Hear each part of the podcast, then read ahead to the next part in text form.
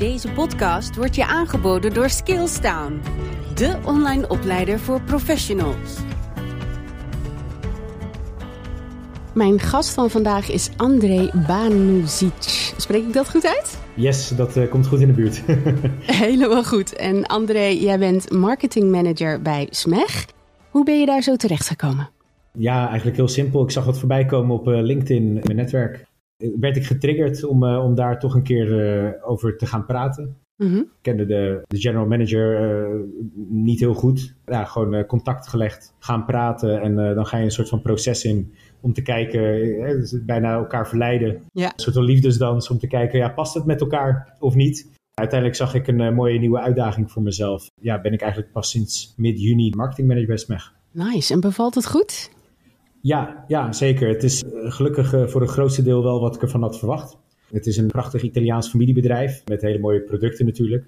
Maar aan de andere kant ook een bedrijf waar nog heel veel potentie in zit. Waar nog heel veel gebouwd kan worden, zeker lokaal, maar uiteindelijk ook internationaal ooit begonnen met het maken van een fornuis. En dat is uitgegroeid tot een bedrijf wat eigenlijk elk apparaat in je keuken wel kan invullen. Ja. Aan mij de taak om uh, mensen daar ook bewust van te maken. En hoe heb je dat zeg maar verkocht? Wat heb je ingebracht wat je ging aanpassen of inbrengen qua marketing? Je kan jezelf natuurlijk verkopen. Hè? Je moet jezelf op, op de juiste manier positioneren. Maar uiteindelijk uh, je ervaring, je, je acties, die, die moeten het meest voor zich spreken. Ja. ja, praktijkvoorbeelden in wat heb je gedaan? Wat voor bijvoorbeeld plannen heb je in het verleden uitgevoerd? Wat voor succes heb je behaald? Aan de andere kant ook wel, ja, hoe ben je een keer ook hard op je plaat gegaan? Ja, volgens mij uh, openheid en, en, en, en, duidelijkheid duurt het langst. Absoluut. En ik denk als je daarvoor open staat en je laat zien dat je jezelf ook durft te veranderen, dat dat ook uiteindelijk veel meer waarde met zich meebrengt. Ik heb niet het gevoel dat ik mezelf enorm aan het verkopen ben geweest. Maar gewoon eigenlijk heel erg heb verteld wat heb ik allemaal gedaan. Ja. En waar zie je kansen. En wat heb je allemaal gedaan en waar zag je kansen? Goeie vraag, logische vraag. Hiervoor heb ik heel lang bij, bij Coolblue gewerkt. Wat natuurlijk een, uh, op dit moment uh, door iedereen bekend is. Toen ik er ooit bij begon, naast mijn studie als bijbaan op de klantservice, toen was het nog PDA-shop en laptopshop allemaal losse winkeltjes. En wisten de meeste mensen niet eens wat Coolblue was. Of hadden überhaupt nog nooit wat online besteld. Dus daar ben ik eigenlijk de klantservice binnengerold. En 12,5 jaar later ben ik daar weggegaan. Dus heel veel verschillende rollen gehad. Heel veel geleerd. En eigenlijk die ervaring, die breng ik altijd met me mee. En die ervaring wil ik graag nu verder uitbouwen. Ik hou van de uitdaging, ik hou van uitgedaagd worden. Mm -hmm. En op een gegeven moment, uh, na 12,5 jaar, had ik zeker niet het idee dat ik alles had geleerd. Ik denk dat je nooit klaar bent met leren. Maar ik zag deze kans voorbij komen. Deze kans moet pakken. Voor zo'n bedrijf dat zo groot is als SMEG, hoe ziet personal branding er dan uit?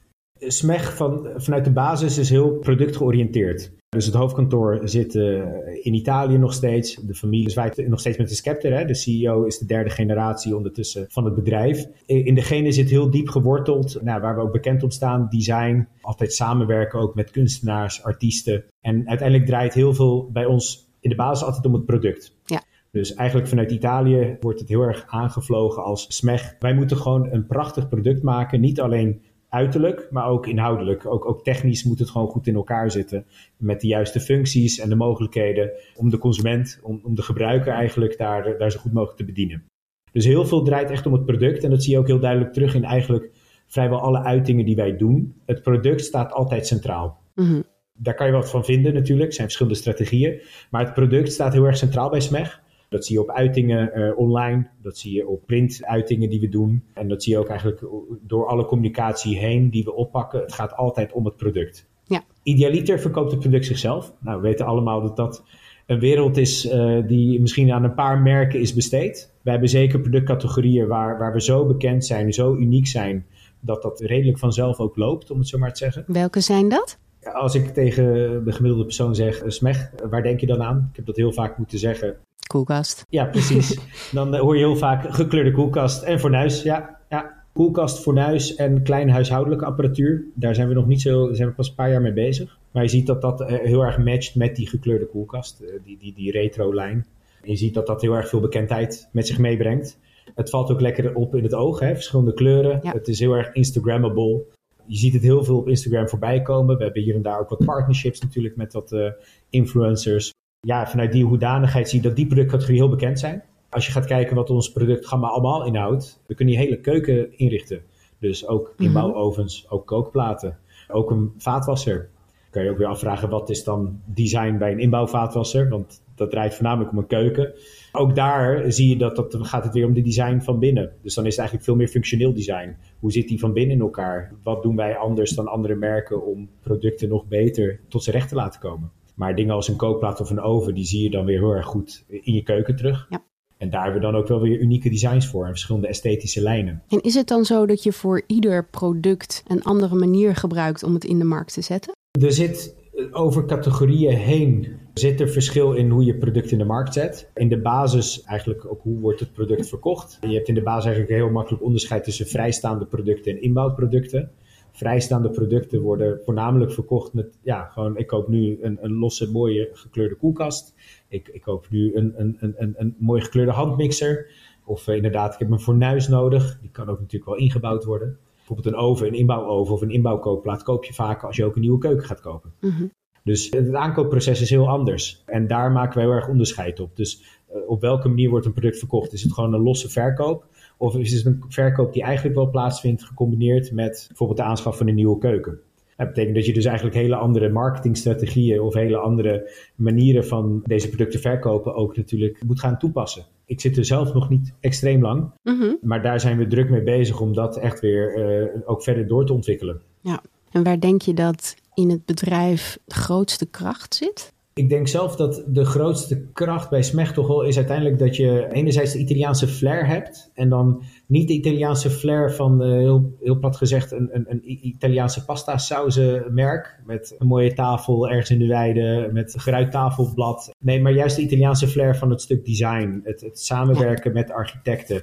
Het, het iets onderscheidends hebben ten opzichte van de rest. Een smegapparaat herken je. Mhm. Ik wil nog steeds een keer een experiment uithalen waarbij ik uh, allemaal ovens eh, op een blad zet zonder logo. Met een paar smegovens ertussen en dan gewoon vragen van wijs twee of drie producten aan die er gewoon anders uitzien dan alle andere producten die je ziet. Ja. Dat is een beetje ongrijpbaar, maar dat is wel iets waar ik vind dat Smeg zich enorm op onderscheidt. En daarnaast ben je nog steeds een familiebedrijf. De focus binnen het bedrijf is duurzaamheid.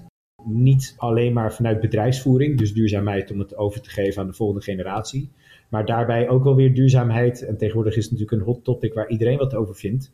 Maar SMEG is al jaren, voordat het een hot topic werd, bezig met hoe kunnen we onze verpakkingen duurzamer maken? Hoe kunnen we ons productieproces duurzamer maken? We zijn dit jaar uitgeroepen door een Duits onderzoeksinstituut als het meest duurzame productiebedrijf in Italië. Wow. En dan, dan kunnen we ons dus gaan meten met ook De Longi en dat soort andere bedrijven. Die zijn onder ons geëindigd. Dus ja, daar zijn wij best wel trots op. Alleen we schreeuwen het ook niet altijd van de daken. Het is niet dat we altijd voorop uh, heel groot, uh, misschien op zijn Italiaans, zoals je misschien zou denken, gaan roepen: kijk eens wat wij allemaal hebben bereikt. Mm -hmm. Op welke kanalen zijn jullie op dit moment allemaal zichtbaar en waarom hebben jullie voor die kanalen gekozen? Ja, eigenlijk uh, vrij standaard, als ik het zo mag uitleggen. We zijn nu zichtbaar op, op Facebook en op Instagram.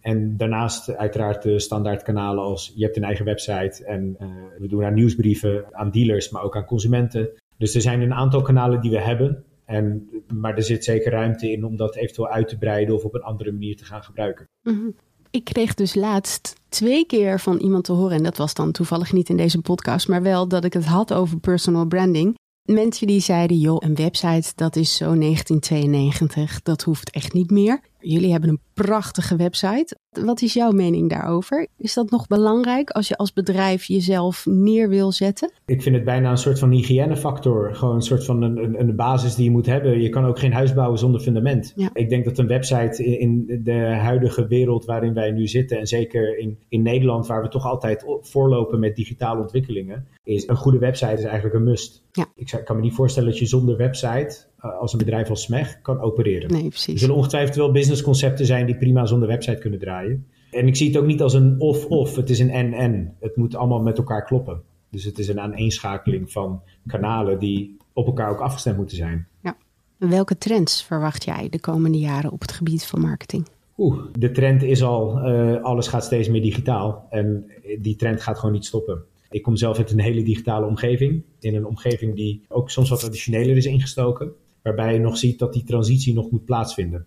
Het kan ook heel erg verschillen, eh, bijvoorbeeld zelfs in type klant die je bedient, in hoe ver diegene is met, met bijvoorbeeld bepaalde marketing toepassen. Ik denk dat ook digitale marketing is het ook nog makkelijker en nog beter te doen om samen marketing te bedrijven vanuit B2B, maar ook met, met consumenten Ja, influencers is een voorbeeld daarvan. Maar vergeet ook niet gewoon alle blije consumenten met je product. Als iemand blij is met je product, is het eigenlijk het beste marketinginstrument. Want die gaat het weer op een verjaardagsfeestje doorvertellen. Ja. Ik denk dat ook daar weer eh, ja, die online zichtbaarheid alleen maar groter gaat worden. Ja. Wat denk je dat op dit moment voor SMEG de meest succesvolle manier van marketing voeren is? Want je hebt het over uh, business to business, je hebt het over mond-tot-mond reclame, wat inderdaad nog steeds gewoon goed werkt. Wat is op dit moment de meest succesvolle manier van marketing voeren?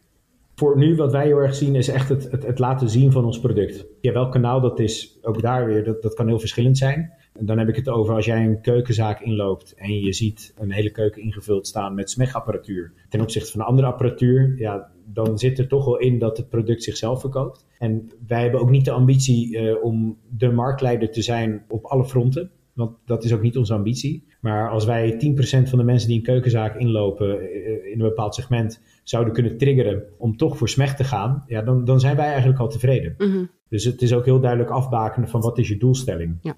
Ons product goed laten zien, per productgroep ook definiëren hoe je dat gaat doen. Wat ik net zei, de, de koelkasten, de kleine huishoudelijke producten, dat laat je heel goed zien via online. Dat laat je heel goed zien via Instagram. Daar wordt het ook heel veel door gezien. Dagelijks constant uh, mentions van mensen die blij zijn met een apparaat en dan ons gaan taggen. Niet omdat ze een samenwerking met ons hebben, maar gewoon blije consumenten. Ja. Dat is gewoon heel vet. Dat geeft ook energie. Dus ja, we zien eigenlijk dat, dat het online kanaal voor dat heel goed werkt. En eigenlijk het offline kanaal nog steeds wel ook werkt voor, voor de keukenhandel. Mm -hmm. Voor de inbouwapparaten die wij, uh, die wij hebben. Ja. Dus ook gewoon een keer in een uh, mooi woonmagazine staan. Ja, precies. En dan gaat het natuurlijk allemaal ontzettend snel, die wereld van de marketing. Hoe zorg jij ervoor als marketingmanager dat je up-to-date blijft? Nou, ik, ik, blijf het meest op de hoogte door gewoon heel veel te lezen. Ook heel veel met gewoon mensen te praten om je heen. Ook zelf te ervaren. We werken ook samen met een extern bureau voor bepaalde digitale marketing. Ja, zij krijgen ook weer input. Zij hebben ook bepaalde ervaring. Mm -hmm. Zo probeer je up-to-date te blijven. Ja. De schaal waarin je dat zou moeten, moet je tot op detailniveau elk ding weten. Ja, dat is lastig te bepalen. Ik denk niet per se dat het altijd nodig is. Ik denk ook niet eens dat dat kan met hoe snel het allemaal wel niet gaat. En, en alle veranderingen die constant maar doorgevoerd worden. Ja. Ik denk niet eens dat het mogelijk is. ik denk dat er ondertussen zoveel zelflerende algoritmes zijn dat waarschijnlijk de grote bedrijven waar we het dan over hebben, uh, waarschijnlijk zelf niet exact weten hoe dat algoritme nou precies op bepaalde dingen reageert of werkt. Ja. En wat zijn de dingen waar jij de komende tijd op gaat focussen voor SMEG op het gebied van marketing? Ik ben heel druk bezig al om eigenlijk even vanaf een soort van nieuw fundament te gaan beginnen te bouwen. Ik ben ook de eerste in Nederland bij SMEG die de rol marketing manager heeft. Oh ja? Om mezelf op te hemelen of wat dan ook, absoluut niet. Maar meer van... Nou, dat mag best hoor, als je de eerste bent. Het doel is nu echt om het naar een volgend niveau te brengen. Dus echt het, het bedrijf, het merk, weer een stap vooruit te laten zetten. Maar hoe ging dat voorheen dan, als ik even mag inbreken? Heel veel brandmarketing werd gewoon vanuit Italië werd dat opgezet. En dat wordt dan vertaald Mhm. uh -huh. en dat wordt dan lokaal, wordt, wordt die marketing uh, bedreven. Uh -huh. Maar even terug naar de basis. Uh, wat is de strategie? Uh, waar moeten we heen? Uh, echt de basis weer goed herdefiniëren. Ja, daar, ik vind dat gewoon heel belangrijk. Dat daar weer even een eikpunt op komt. Ja, en wat in Italië werkt, hoeft natuurlijk niet per definitie in Nederland ook te werken. Nee. Ik bedoel, ik ben ook echt in Nederland geboren. Dus begrijp me niet verkeerd. Ik hou van Nederlanders, maar Nederlanders zijn moeilijk. Ja. Soms kunnen Nederlanders heel moeilijk zijn. Dus daarin moet je denk ik ook durven om te zeggen, nou hè, hier in Nederland, jij bent marketingmanager, doe je ding. Gaat Ja. dat dan nu ook zo zijn voor jou? Ja, uh, zeker. Kijk, de, de, de, de, er zijn lokaal vestigingen, juist omdat ook vanuit hoofdkantoor uh, natuurlijk wordt begrepen van, ja, elk land is anders. Elke markt is anders. Uh, dat moet je ook op een andere manier Ja. benaderen. Ga je kijken puur naar Nederland en België, zit er al enorm veel verschil in.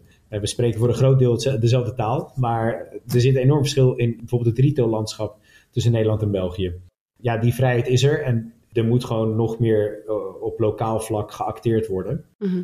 En wat ik altijd wel mooi vind, het beeld wat mensen hebben bij, bij het merk Smeg, is dat er twintig marketeers ergens in een uh, hip kantoor in Amsterdam zitten te buffelen en, en dat merk mooi aan het maken zijn. Maar Smeg wordt lokaal door de enkele tientallen mensen gedragen. Ja. Het lijkt naar buiten lokaal groter dan dat het misschien wel van binnen is en dat is helemaal niet erg. Maar dat komt waarschijnlijk omdat het zo'n luxe uitstraalt ook. Ja, het product spreekt echt voor zich. Het product verkoopt zo zichzelf. En bedrijft eigenlijk de beste marketing. Ja, ik snap dat je nog niet te veel kan weggeven hoor. Maar wat zijn dan bijvoorbeeld specifieke dingen waar je nu mee aan de slag gaat? Nou, je, je noemde net social media, om daar gewoon een structurele uh, strategie voor te bedenken met terugkerende campagnes. Uh, met duidelijke formats, zodat er structureel iets gebeurt op het kanaal. De interactie ook meer wordt opgezocht nog met, met, ja, met gebruikers van ons kanaal, met, met followers van ons kanaal. Maar daar moet je eerst de basis goed voor zetten en dan moet je een paar formats hebben en dat, dat moet je dan verder gaan uitbouwen stap voor stap. Ja. Ik heb ook niet de illusie dat dat morgen af is, maar dat is bijvoorbeeld iets heel concreets waar ik nu mee bezig ben. Leuk.